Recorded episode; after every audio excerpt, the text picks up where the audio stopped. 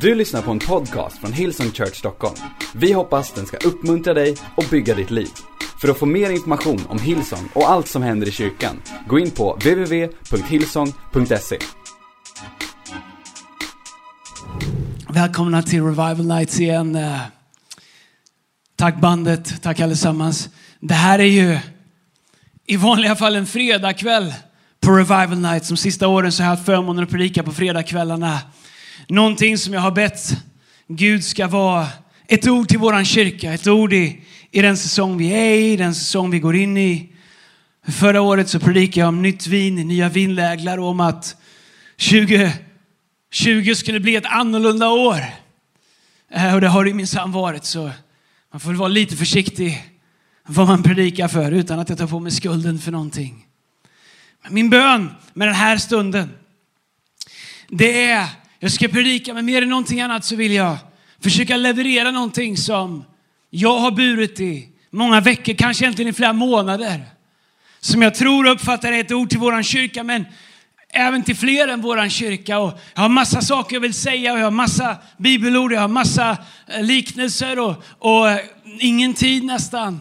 Men mer än någonting annat som jag vill försöka få med och få sagt så be, har jag bett att Gud skulle deponera någonting och göra någonting i dig och i mig. Så det, min intention är inte att göra en clever, clever eller en, en, en bra predikan. Min intention är att någonting skulle skrapa i ditt hjärta och föda en längtan efter Guds närvaro, efter hans helighet, efter hans godhet. Därför att jag tror att i allting som Gud vill göra så finns det ingenting som han mer vill göra än att få oss att förstå vad Gud skulle kunna vara i våra liv. Och vad Gud skulle kunna göra i våra liv om vi förstod kraften av hans närvaro. Om vi förstod vad som krävs för att ha hans, hans närvaro och hans härlighet i och över våra liv. Jag har en iPhone, jag vet inte vart den är men vissa morgnar när jag vaknar till, jag har sån ansiktsigenkänning på den så att om jag håller upp den så, så öppnar den upp så knapplåset går av. Men vissa morgnar när man vaknar tidigt och har somnat sent så tycker min iPhone att mitt ansikte är så förtvivlat eh, uselt att det vägrar att känna igen det. Det är höjden på slitenhet när iPhone inte, är, inte känner igen den längre. Men vet du, ansikte är så mycket mer, våra ansikten betyder så mycket mer än vad vi förstår. Vi använder våra ansikten rakt igenom så mycket som vi gör och även på sätt som vi inte förstår. Vi, vi har lärt oss, kanske till och med när vi var barn, när vi har gjort någonting som vi inte borde göra så håller vi för ansiktet. När vi åker tunnelbana, när vi åker spårvagn eller när du åker buss eller när du är på ett köpcenter och, och, och, och du står i kö eller vad som helst, när du inte vill ha kontakt så tittar vi ner. Om du vill se många människor samtidigt titta ner i marken så gå till en svensk kö. Alla tittar ner av rädsla för att möta varandras ansikte. Därför att ansikten som möts skapar per definition en connection. Så är det också med Gud. Med Guds ansikte. Guds ansikte representerar härlighet. Hans härlighet. Guds ansikte representerar hans godhet.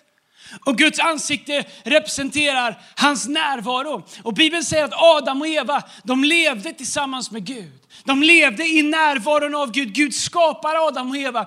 Och Bibeln säger att de talade med Gud ansikte mot ansikte. Det fanns inga hinder för Adam och Eva att komma inför Gud. Se rakt in i hans ansikte. Se in i hans godhet, se in i hans härlighet, se in i hans närvaro.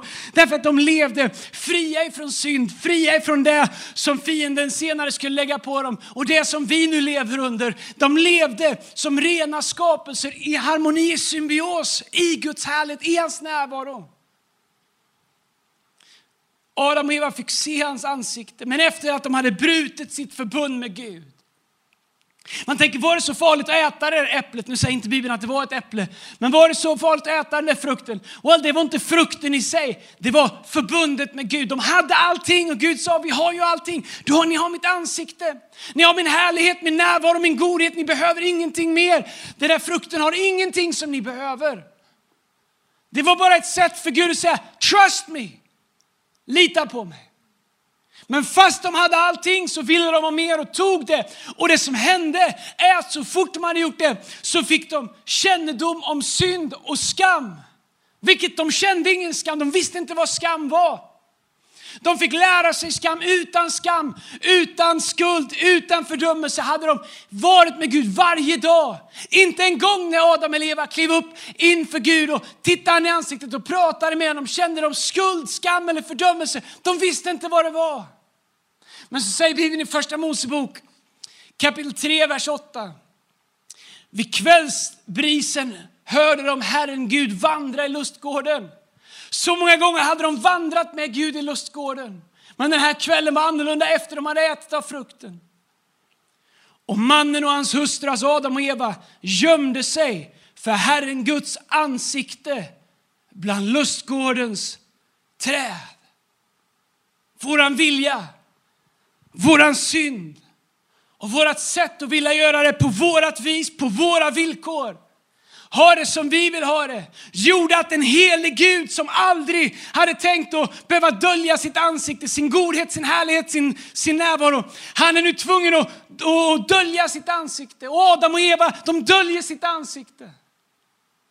Från och med det ögonblicket så kunde ingen se Guds ansikte och leva därför att Gud är helig, han är en förtärande eld. Men han ville att vi skulle leva i den heligheten, i den härligheten, i den närvaron. Mose.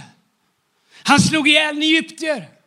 Han hade, han hade blivit adopterad och upp, uppvuxen i kungahuset i Egypten. Men han var en Israel och Israelerna var i fångenskap, de var slavar. En dag så ser han egyptier piska en av slavarna och någonting reses upp på insidan av Mose och han slår ihjäl egyptiern. 40 år har han gömt sig i öknen. 40 år utan att visa sitt ansikte. 40 år med hemlig identitet. 40 år utan att någon visste vem han var. En dag så börjar en buske brinna och Gud är i den busken. Och Mose kommer dit. Helt plötsligt så är det någon som ser honom i ansiktet, vet vem han är. Och det står i Andra Mosebok kapitel 3, 3, eh, vers 1. En dag när Mose vaktade fåren åt sin svärfar Jetro, prästen i Midjan, Eh, drev han dem bortom öknen i närheten av Horeb, Guds berg. Då visade sig Herrens ängel för honom i en brinnande törnbuske. När Moses såg busken eh, såg att busken brann utan att brinna upp tänkte han gå närmare för att undersöka detta märkliga att busken inte brann upp. Då Herren såg att han gick närmare för att titta ropade han på honom från törnbusken. Han sa Mose, Mose. Alltså Gud kallar honom vid den identiteten som han har gömt i 40 år. Jag är här, svarade han. Kom inte närmare, sa Gud. Ta av dig skorna för du står på helig mark. Jag är din faders Gud, Abraham, Isaks och Jakobs Gud. Då slog Mose händerna för ansiktet, för han var rädd för Gud. Mose reaktion inför Gud, inför hans härlighet, inför hans, inför hans helighet, in, i hans närvaro. Mose förstår, det här är Gud och hans första intention är, jag måste gömma mitt ansikte. Jag kan inte se en helig Gud i ansiktet. Jag har gjort någonting som gör att jag inte förtjänar närvaro. Jag har gjort någonting som gör att min synd står inte ut inför Guds helighet. Mose förstod att han var i närvaron av en helig Gud och han gömmer sitt ansikte för han hade synd i sitt liv. Jag undrar hur ofta vi gömmer våra ansikten för Gud utan att veta om det. Eller vi gömmer våra ansikten inför Gud därför att vi tror att som mitt liv är så kan jag inte se Gud i ansiktet som mitt liv är nu eller som, som, som det händer eller whatever, vad det än beror på mitt förflutna. Jag kan inte se Gud i ansiktet. Jag kan inte kliva in i hans härlighet. Jag kan inte kliva in i hans helhet. Jag kan inte kliva in i hans närvaro, i hans godhet. Aron, första överste prästen, det finns en välsignelse som kallas den aronitiska välsignelsen. Och vi ber den ofta i vår kyrka, man har bett den i 3000 år. Och den går så här, Herren välsigne dig och bevara dig. Herren låter sitt ansikte lysa över dig och vara dig nådig. Herren vänder sitt ansikte till dig och ger dig sin frid. Guds ansikte, härligheten, godheten och närvaron Gud lärde oss att be att Herren vänder sitt ansikte till dig. Och Herren låter sitt ansikte lysa över dig. Guds intention, Guds vilja är att få vända sitt ansikte till oss. Att låta sitt ansikte lysa över oss. Men jag undrar ibland om vi förstår vad det är vi ber. Ja, men absolut Gud, du kan lysa lite på mig här. Ja, men Gud, det är väl härligt om du vänder ditt ansikte lite till mig. Och jag är inte här idag för att predika någon old school, liksom turn or burn predikan. Men jag tror att om vi verkligen skulle vilja uppleva den närvaron som finns i Gud. Om vi verkligen skulle vilja smaka på den härligheten. Och det är med bävan jag säger det. Om vi verkligen skulle förstå Guds godhet så inser vi att hans ansikte, det är värt allting. Men hans ansikte är inte någonting som vi kan ta lätt på. Vi ser hans härlighet genom hela Bibeln.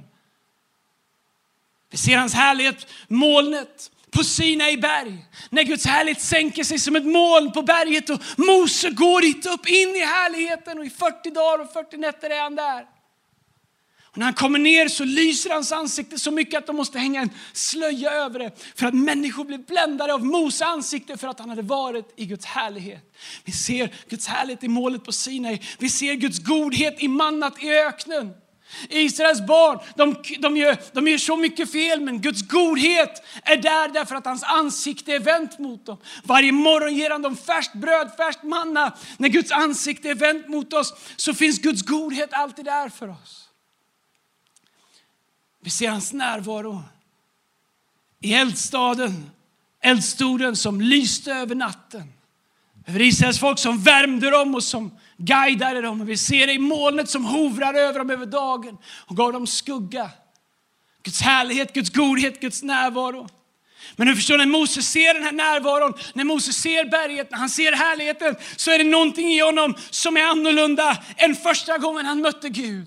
Vid den brinnande busken så gömde Mose sitt ansikte för Gud. Men nu när han har fått smaka Guds godhet, nu när han har, förstått vem Gud är, så går han rakt in i härligheten. Han går rakt in i målet, han klättrar upp för berget, han lämnar de andra och säger, jag måste vara det Gud är. Så står det att Mose frågar Gud. Från att ha gömt sitt ansikte för Gud så frågar Mose Gud, låt mig få se ditt ansikte. Kanonbra kristen bön. Låt mig få se ditt ansikte. Vi har sånger om ansikte, vi sjunger utan att tänka på det. Det är väl en kanonbön. Låt mig få vara inför ditt ansikte. Men låt mig berätta vad det här ansiktet är. I Andra Mosebok kapitel 33, vers 19 så men Mose, från att ha gömt sitt ansikte, nu ser Guds ansikte. Det står så här, Herren svarade efter att Mose hade bett om att få se Guds ansikte. Jag ska låta min godhet gå förbi dig och jag ska uttala mitt namn, Herren, för dig. Och jag ska förbarma mig över vem jag vill och jag ska visa medlidande med vem jag vill. Men du kan inte få se mitt ansikte. För en människa kan inte se mig och leva. Kom ihåg att det här är gamla förbundet när det inte fanns någon nåd. När vi själva fick bära konsekvenserna av våra handlingar. Sen sa Herren, men ställ dig här på klippan bredvid mig. Bara ha den här konversationen med Gud det är ju helt fantastiskt. Så Gud säger till Moses, ställ dig här på klippan bredvid mig. När sen min härlighet går förbi ska jag ställa dig i en klyfta i klippan och täcka över dig med min hand tills jag har gått förbi. Gud säger jag ska skydda dig från mitt ansikte, jag ska skydda dig från min helhet. Jag ska skydda mig, dig från den jag, det som bor i mig. Helighet, renhet, härlighet. Jag ska skydda dig med min hand. Sen ska jag ta bort handen och du ska få se mig på ryggen. Men mitt ansikte får ingen se. Ingen fick se Guds ansikte efter att Adam och Eva hade lämnat Guds ansikte. Våran synd skilde oss ifrån en helig Gud. Det var inte Gud som hade ändrat sig. Det var inte Gud som hade tagit bort sitt ansikte.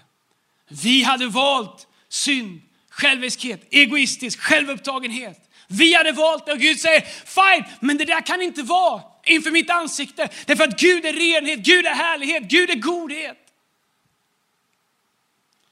Men du förstår, Mose när han är där, han har en sån hunger efter Gud, han har en sån hunger efter hans närvaro. Så det står om Mose, i nästa kapitel, kapitel 34 i andra Mosebok så står det, när Mose hade slutat tala med dem hängde han en slöja över sitt ansikte. Men varje gång han trädde fram inför Herren tog han av sig slöjan till dess han gick ut igen. Han talade om för israeliterna vad Herren hade befallt. Du förstår, Mose, han är Guds närvaro. Och Mose själv kan inte se Guds ansikte. Men kraften i Mose liv, kraften av att han har varit med Gud. Och vi pratar om en människa, vi pratar inte om Messias 2.0. Mose har en sån längtan till Guds närvaro. Mose har en sån längtan efter Guds helhet. Mose har en sån längtan efter Guds härlighet. Mer än någonting annat. Att han gång på gång går in i hans närvaro, söker Gud, ber Gud, är inför honom. Att när han lämnar närvaron och kommer till de andra människorna som bygger guldkalvar och som ah, gör inget annat än att krångla. Så säger Mose, du får hänga för en slöja därför att det lyser för starkt. Ibland är renhet provocerande. Jag undrar hur det är i våra liv. Där vi så ofta hänger slöjor över våra liv för att ingen ska se vad det är vi har. För Mose hängde de en slöja därför att de ville inte se Gud. Så ofta hänger vi slöjor över våra liv för att gömma det vi inte vill att andra ska se i våra liv. Jakob, Esaus bror, Isaks son. Han lurade Isak, han lurade Esau. Han lurade till sig förstfödslorätten. Och han, går, han är på en resa genom livet där han inser att det han med egna medel hade anförskaffat sig, det han hade lyckats lura sig till, det han hade tagit sig, hans själviska begär, hans självupptagenhet, hans vilja att förverkliga sig själv, hans vilja att ta sig Guds välsignelse men inte gå den rätta vägen, hade drivit honom bort ifrån sin fars ansikte, sin brors ansikte och ifrån Guds ansikte. Men här är vad jag älskar med Gud. Även om vi har gjort alla fel, som Jakob, så fanns det ett frö kvar i Jakob. Som längtade efter Guds närvaro, som längtade. Vi kan läsa om Jakob, hur han brottas med Gud. Första Mosebok kapitel 32, vers 24 så står det om Jakob när han var på väg tillbaks. Han blev kvar där ensam och en man brottades med honom till gryningen. När denne såg att han inte kunde vinna kampen slog han till Jakob på höften så att den gick ur led när de brottades med varandra. Sen sa han, släpp mig för dagen gryr. Men Jakob svarade, jag tänker inte släppa dig förrän du välsignar mig. Vad heter du? frågar mannen. Jakob, svarade han. Du ska inte längre heta Jakob, sa mannen. Du ska heta Israel, för du har kämpat med både Gud och människor och segrat. Säg mig, vad heter du? frågar Jakob. Varför frågar du om mitt namn? sa mannen till honom. Och han välsignade honom där. Jakob kallade platsen för Penuel. Penuel betyder Guds ansikte. För han sa, jag har sett, Guds an jag har sett Gud ansikte mot ansikte och ändå är jag fortfarande vid liv. När solen gick upp så lämnade han Penuel och han haltade på grund av sin höftskada. älskar den här storyn. Jakob, han är på väg, han bär på längtan. Helt plötsligt så står Herrens ängel där, så står Gud där. Och Jakob, han brottas med honom. Och han inser att det är Gud. Och till slut säger mannen han brottas med, Jakob släpp mig, vi har brottats hela natten. Men Jakob, hans längtan är nu så stor. Han struntar i allting annat. Han bryr sig inte om det han lurade sig till tidigare. Esaus förstföderätt var inte värd någonting längre. Han sa, jag släpper dig inte om inte du välsignar mig.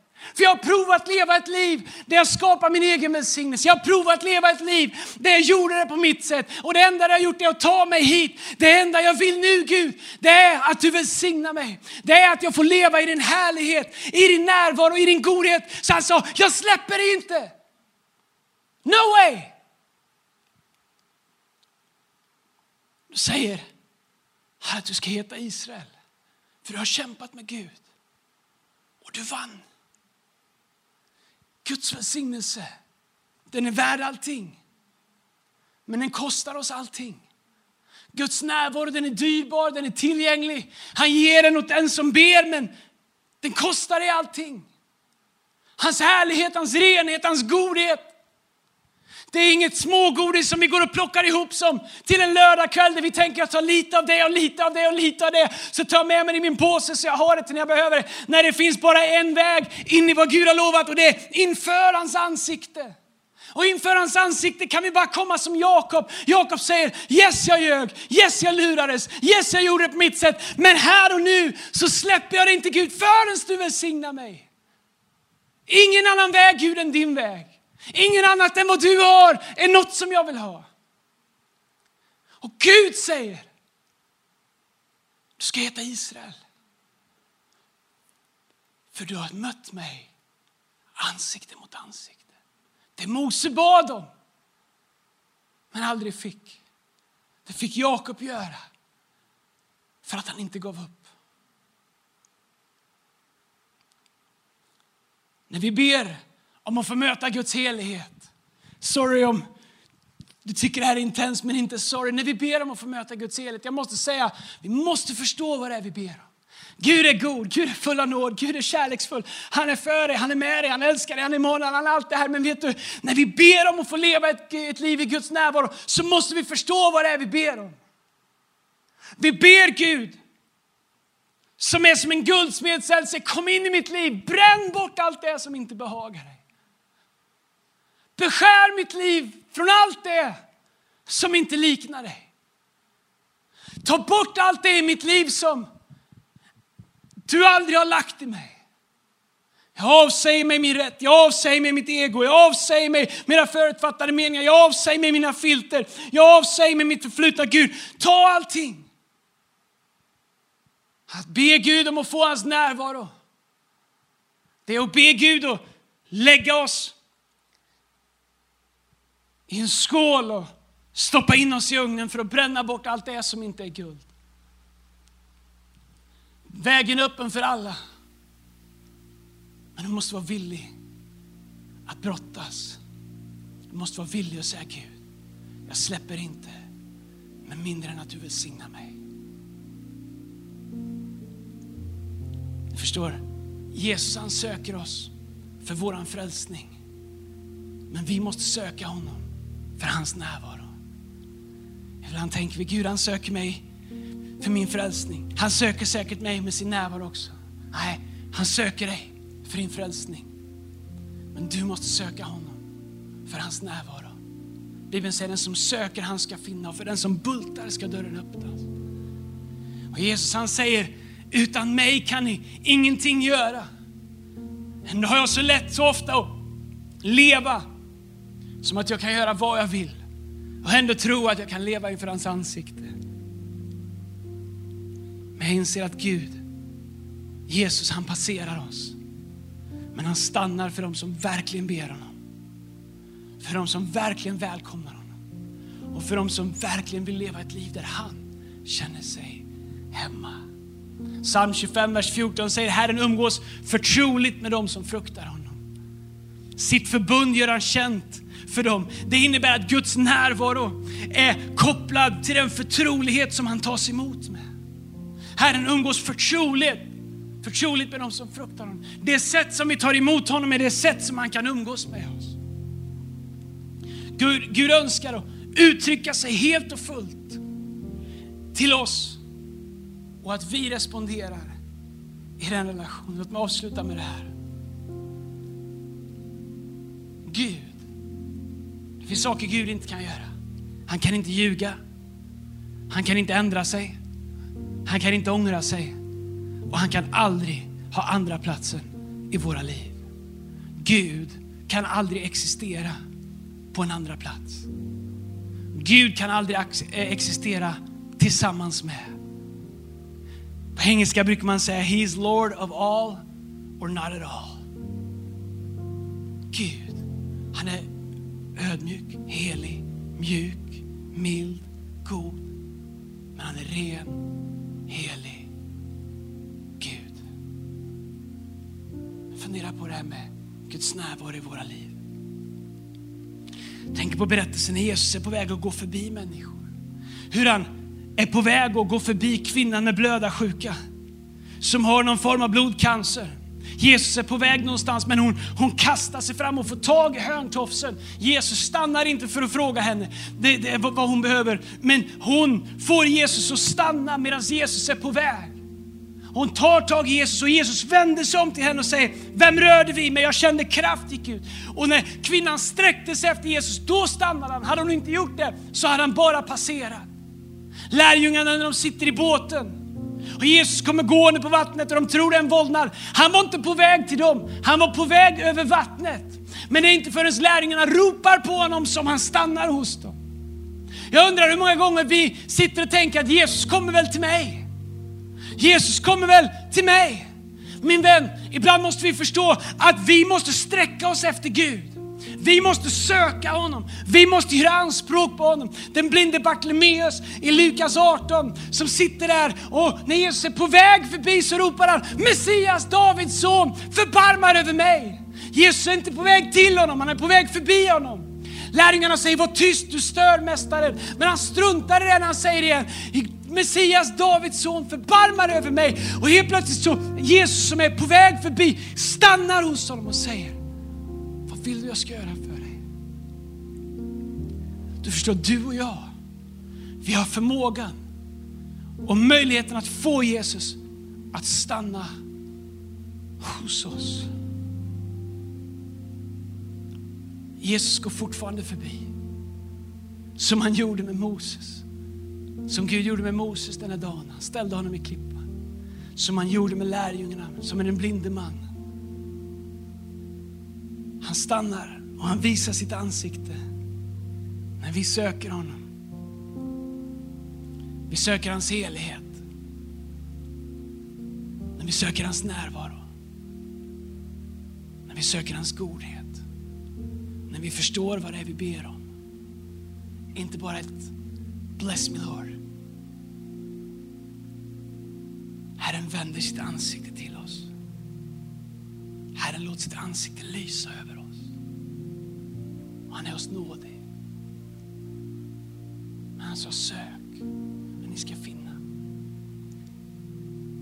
I, I många veckor när jag har hållit på med det här budskapet så Det har funnits en gammal sång som, eh, som jag sjungit om och om igen. Man sjöng den när jag var ung, när jag var liten. Och det är titeln på den här predikan. Jesus kär, gå ej förbi mig. Jag har haft den här sången om och om igen och jag har tänkt på Jakob när han brottas med Gud. Jesus kär, gå ej förbi mig. Jag har tänkt på Bartolomeus, blinde Bartolomeus när han ropar ut Messias, Davids son.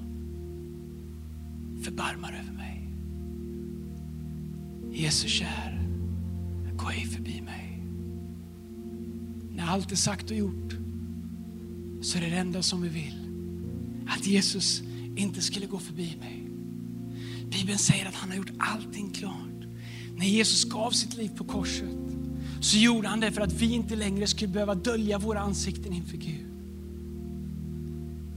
I Johannes kapitel 14 så, så säger Filippos, men Jesus, låt oss få se Gud i ansiktet. Och Jesus säger, den som har sett mig, han har sett Fadern. När Jesus kom så gjorde han allting nytt. Vi behöver inte längre dölja oss för Gud. Han tog bort Herrens vrede för våran synd. Han betalade priset hela vägen tillbaks för Adams och e- Evas fel. Han återlöste oss. Jesaja 54, vers 8 så står det, men när min vrede välde fram dolde jag ett ögonblick mitt ansikte för dig. Men nu vill jag med evig nåd förbarma mig över dig, säger Herren, din återlösare. Gud, han har vänt sitt ansikte mot oss. Gud har vänt sitt ansikte mot dig.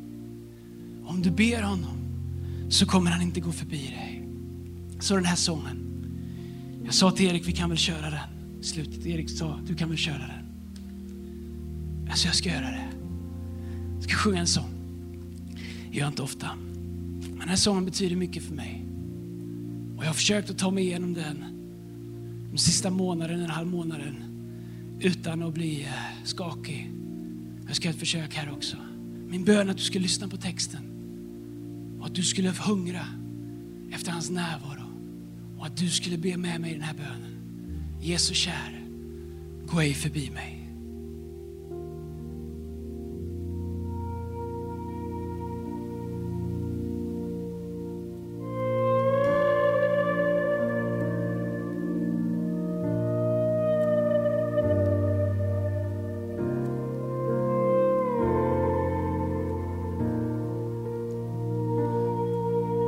Jesus. Jesus kärlek ej förbi mig. Låt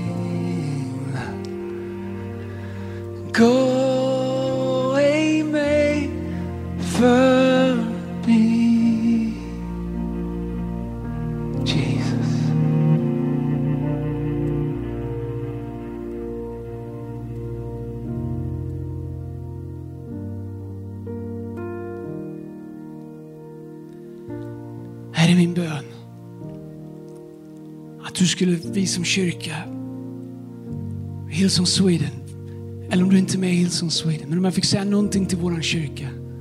Det här är Revival Nights.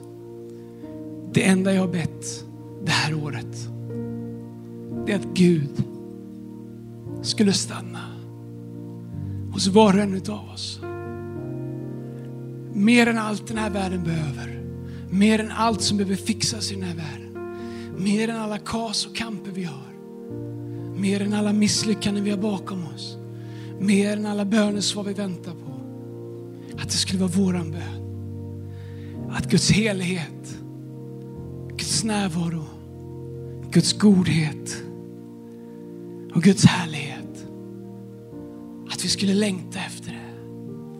Att vi skulle vilja ha det. Att vi skulle göra rum för det i våra liv, i vår kyrka, i våra gudstjänster. Att våra liv skulle lysa som när Mose kom ner från berget. Att det vi bär skulle märkas mer än det vi säger. Att våra liv skulle säga mer än våra ord. Och att man skulle veta att här är platsen där Gud bor. I våra liv och i våran kyrka. Mer än någonting som är smart, mer än någonting som är cutting edge, mer än något som är nytänkande, mer än någonting som är, som är modernt, mer än någonting som ingen annan någonsin har gjort, mer än någonting, eh, mer än influence, mer än följare, mer än whatever så är min bön att Gud skulle stanna här. Att han inte skulle gå förbi. Inte mitt liv, inte ditt liv, inte Hillsongs liv. Det är min bön. Och det är det som kommer vara mitt fokus det här året. Och det är det jag tror Herren kallar våran kyrka till. Dig och mig det här året. Om du längtar efter det, då vill jag be för dig. Innan Erik och teamet sjunger en lovsång. Om du längtar efter det. Men kan jag få säga någonting som jag aldrig har sagt? Om du inte längtar efter, om du inte vill det här, no problem. Kanske inte är din tid, I don't know. Det spelar ingen roll var du kommer ifrån. Du behöver inte fixa det innan du ber om det. Men jag vill säga att om du ber den här bönen så säger du ja till Gud. Att börja varsamt ta bort det i våra liv som inte kan samsas med hans helighet, med hans härlighet, med hans godhet, med hans nåd, med hans närvaro. Du säger, ansa mig. Bränn bort all smuts och låt guldet komma fram. Jag vill säga att det är en modig bön att säga till Gud, vänd ditt ansikte mot mig. Det är en bön som kommer kosta, men den kommer ge så oändligt mycket mer. Adam och Eva var skapade för att leva inför Guds ansikte. Allting annat än det i livet är sämre. Allting annat än det, vad vi än har, vad vi än håller fast i, är sämre. Det finns ingenting här på jorden som är bättre än hans närvaro, än hans godhet, än hans härlighet, än hans helhet, än hans ansikte. Om du längtar efter det, då vill jag be för dig och för oss. Gud, jag ber. Vänd ditt ansikte mot oss. Låt ditt ansikte lysa över oss, Herre. Herre, låt den lysa över oss och låt den lysa in i oss och låt den genomlysa oss, Herre. Herre, allt det i våra liv som, som är mänskligt, som är kötsligt, som är synd, som är pålagor av den här världen, Gud, jag ber. Bränn bort det, Herre. Skala bort det, beskär det och ta bort det, Gud, så att allt det rena, allt det vackra, allt det goda som du har skapat kan få komma upp till ytan i våra liv så att vi kan lysa som du lyser och reflektera dig Gud. Herre, herre fyll oss med din härlighet. Fyll oss med din närvaro. Fyll oss med din godhet. Låt din helighet absorbera våra liv. Herre, jag ber dig för mitt liv. Herre, jag ber dig för var och en som längtar efter det här idag. Gud, jag ber dig för våran kyrka. Jag ber dig för Hillsong Sweden. Jag ber dig för varenda församling som vill samma sak. Jag ber dig för varje människa som är med här idag. Vänd ditt ansikte mot. Låt ditt ansikte lysa över oss. I Jesu namn.